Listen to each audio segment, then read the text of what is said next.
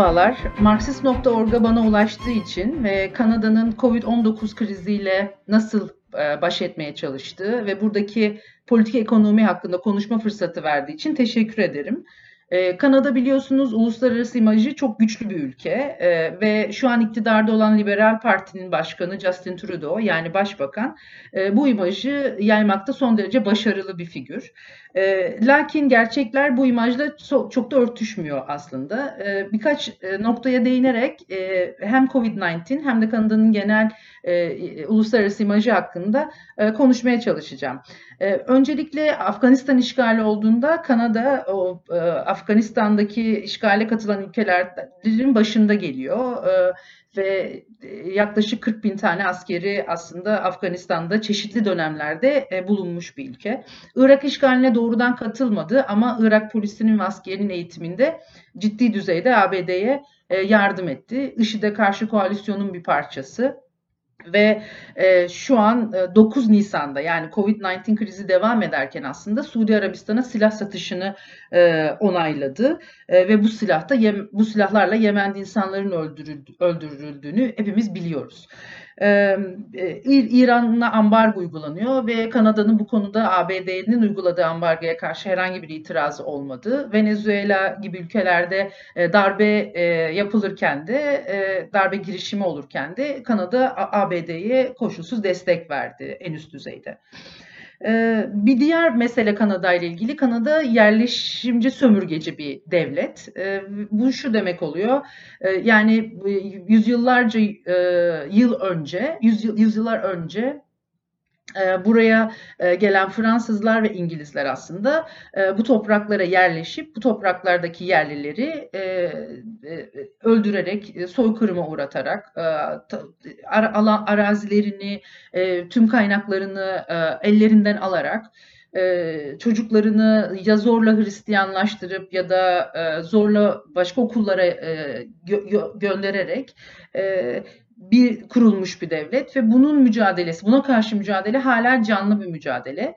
Ee, burada e, British Columbia adı verilen bir eyalette e, Wet'suwet'in denilen yerli bir e, yerlilerin kontrol ettiği bir bölgede bölgeden doğalgaz boru hattı geçirilmeye çalışılıyor ve en büyük enerji şirketlerinden biri olan TC Enerji bu boru hattının sahibi.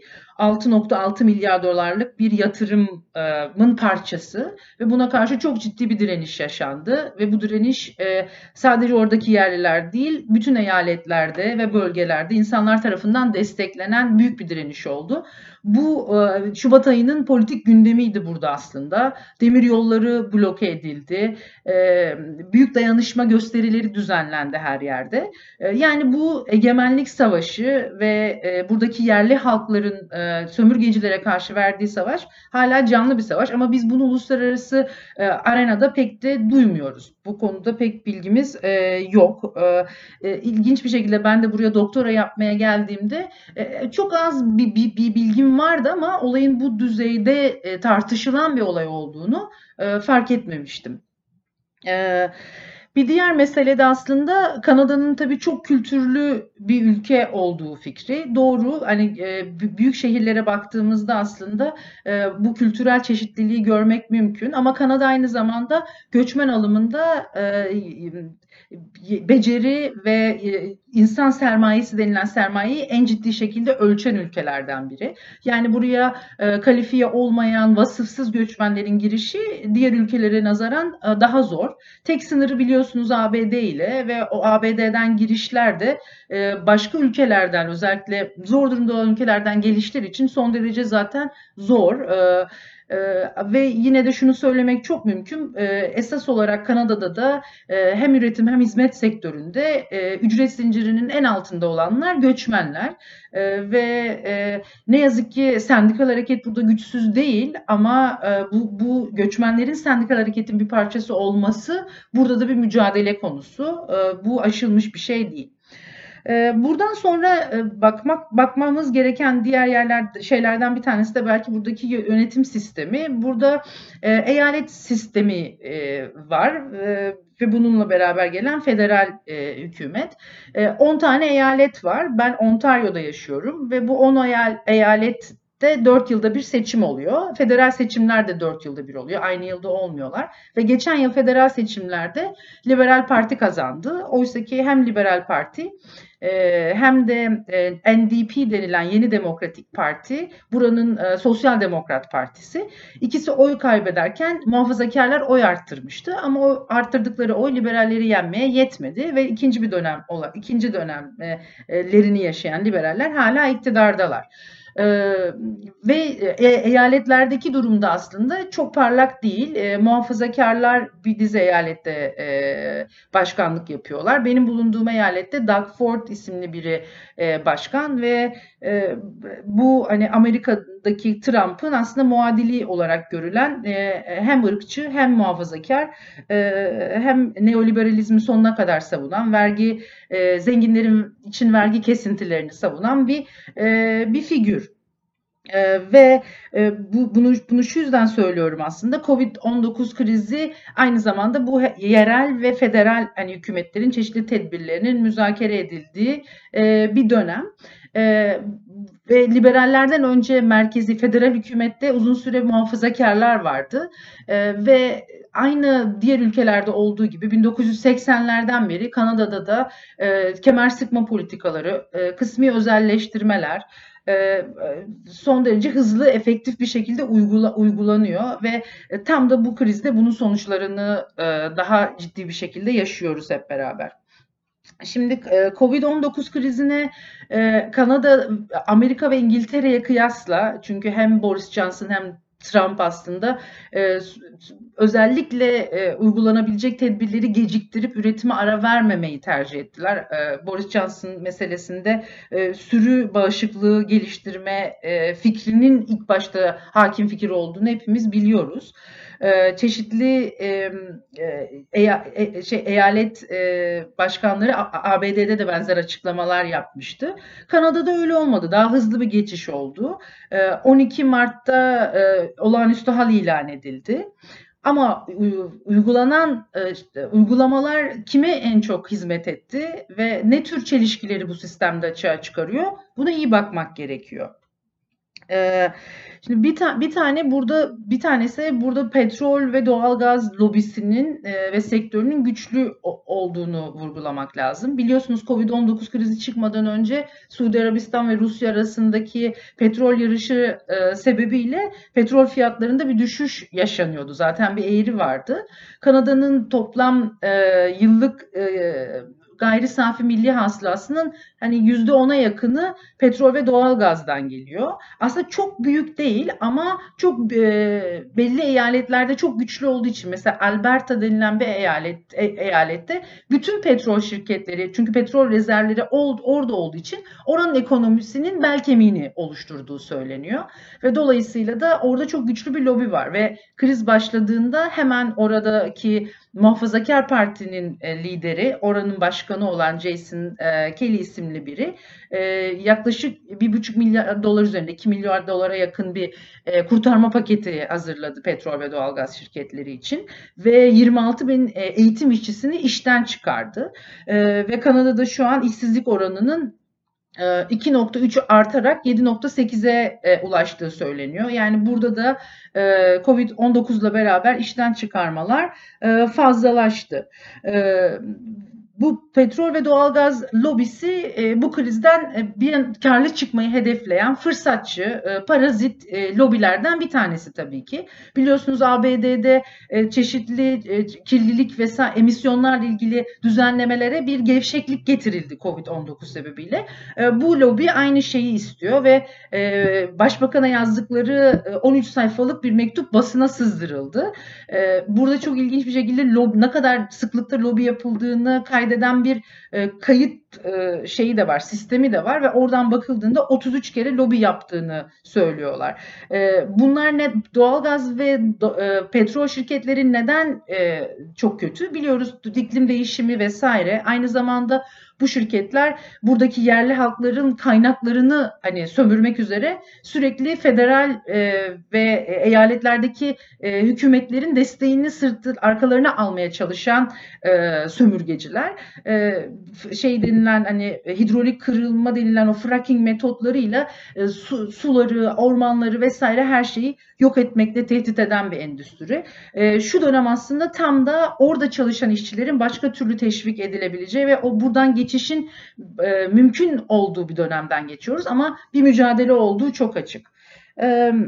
Bir diğer mesele e, vurgulamak gereken, e, peki bu işsizlik meselesiyle nasıl e, baş etti Kanada ya da insanların e, yaşadığı ücret kaybı meselesiyle? Normalde işsizlik sigortası denilen bir fon var ve buna başvuruluyor ve bu başvuru da e, bilinen o ki yıllardır yüzde 33 ya da 37 arası e, bir e, olumlu dönüş oranı var ve buna büyük bir başvuru yığılma oldu ve hükümet Kanada acil durum yanıt ödeneği gibi bir, bir fon yarattı ve oraya başvuru almaya başladı. 7.9 milyon başvuru oldu ilk roundda ve bunların 7.6 milyonuna yanıt verildiği söyleniyor. Ama bu fonun e, ödeneğin sahip olduğu rezerv ilk turda bitti. Yani bundan sonra ne yapacaklarını e, bilmiyorlar aslında. E, başvuran herkese e, 2000 dolarlık bir ödeme yaptılar ama durum devam ettiğinde bunu devam ettirmeleri gerekiyor işsizler için, e, ücreti kesilenler için. E, lakin bu kaynağın nereden geleceği belli e, değil tabii ki. Bir diğer mesele e, işverenleri koruyan tabii ki e, paketler oldu. E, çünkü iş, işverenlerin e, iş, e, bu işten çıkarma reaksiyonuna karşı ücretlerin %75'ini e, devlet ödeme garantisi verdi. %75 tabii ki ciddi bir rakam. E, kim neyle ödeniyor? Tabii ki insanların verdiği kamu e, kamu kaynakları yani vergilerimizle oluşturulan kamu kaynaklarından ödeniyor bu e, teşvik şeyler e, teşvikler ücret teşvikleri. Bu, bu da tabii ki daha sonrasında ne olacağına dair bir sürü soru işareti yaratıyor. Şu an paramız resmen bize ücret olarak geri veriliyor.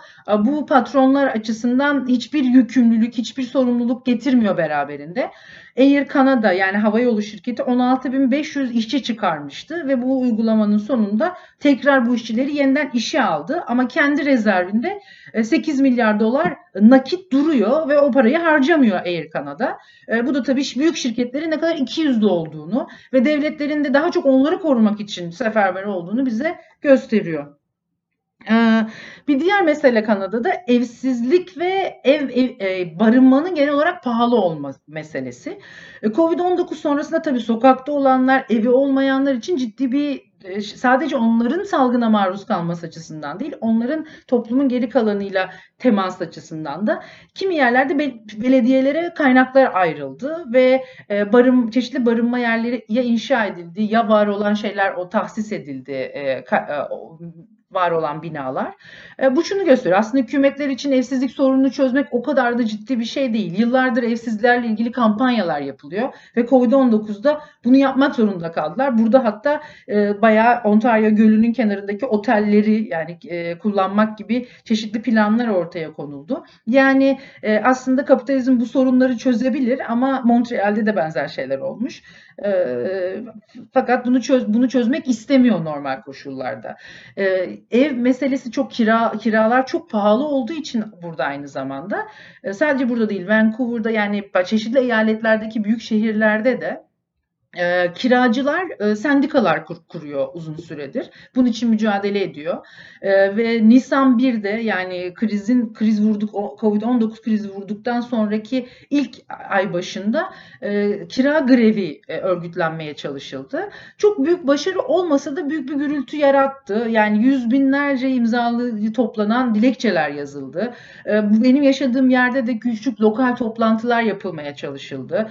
E, e, devlet e, şeyi kiracıları evden çıkarmayı dondurdu. E, ama tabii ki e, kirayı ödeyemezsen kriz bittikten sonra o parayı senden tekrar alacakları ortada. Dolayısıyla buna dair kampanyalar sürüyor. Yani kira affı, kira dondurma kampanyaları.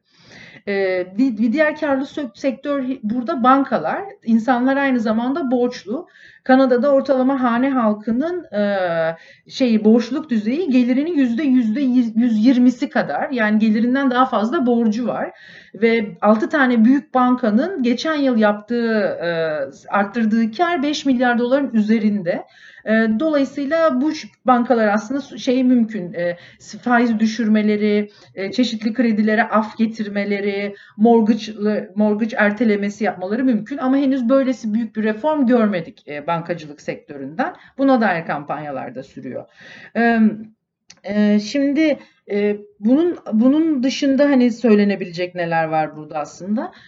Şu var, temel sektörlerde yani zaruri denilen sektörlerde durumlar nasıl? Bunu birazcık buna bakmak gerekiyor.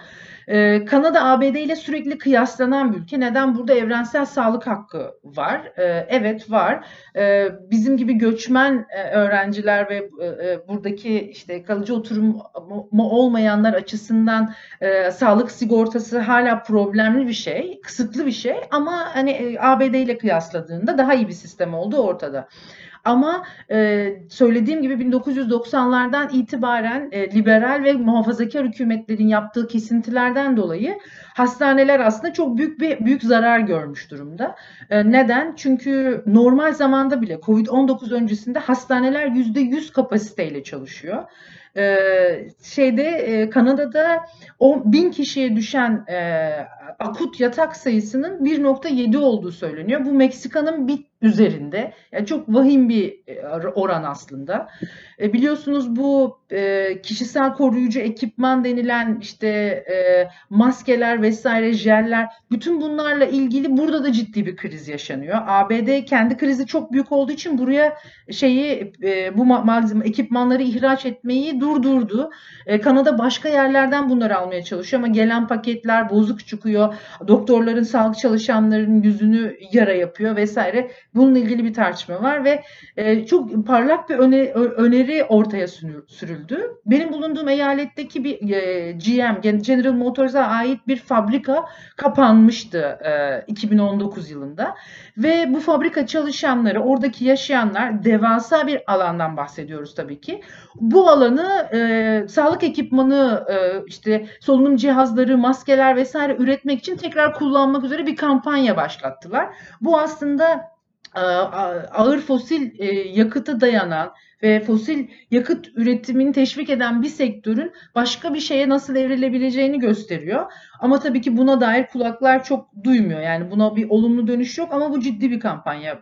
Fabrikanın olduğu yer Oşava'ydı ve Yeşil Oşava diye bir inisiyatif yürütüyor bunu. Sendikalar vesaire de destekliyor.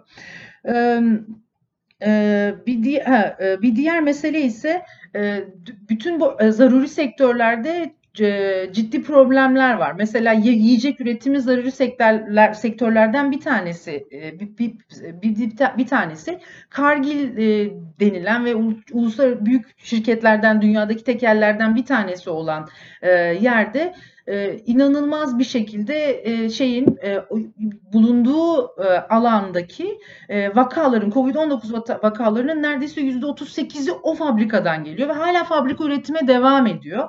Ve sendikalı işçilerin sendikalı olduğu bir yer burası. Yani bu büyük fabrikalarda da aslında Türkiye'de hani ben Gebze ile ilgili başka fabrikalarla ilgili haberler duyuyorum. Burada da her şey çok parlak olmuyor.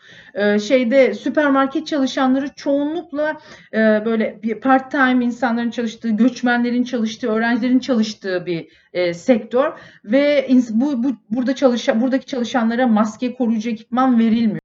Süpermarket çalışanlarının e, mücadelesi aslında çeşitli platformlarda haber, haber olmaya devam etti ve 2 dolarlık saat ücreti artışı yaşandı. Şimdi mesele bu işçilerin normalde kıymet verilmeyen, asgari ücret alan ve asgari ücret burada eyaletten eyalete değişti, değişiyor ve bu muhafazakar hükümet benim bulunduğum eyalette bir kazanımı geri almıştı. 15 dolara yükseltilmişti ve gelir gelmez seçimle 2018'de hemen bu e, asgari ücrete saldırmıştı. Şimdi bu işçiler, çoğunluğu asgari ücretle çalışan işçiler 2 dolar daha fazla ücret alıyor. Hala bu e, geçim düzeyinin altında ama daha sonra sürdürülmesi için mücadeleler var.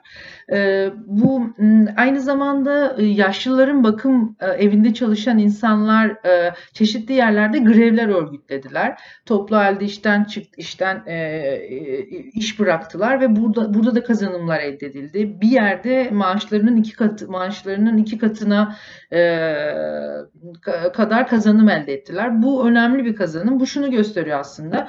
Kapitalizmin değersizleştirdiği e, bir dizi e, iş aslında hayatımızın e, gerçekten e, vazgeçilmez bir parçası e, ve bunun e, değeri şimdi daha net görülüyor ve umarım bu kazanımları korumak üzere de bir mücadele olur sonrasında.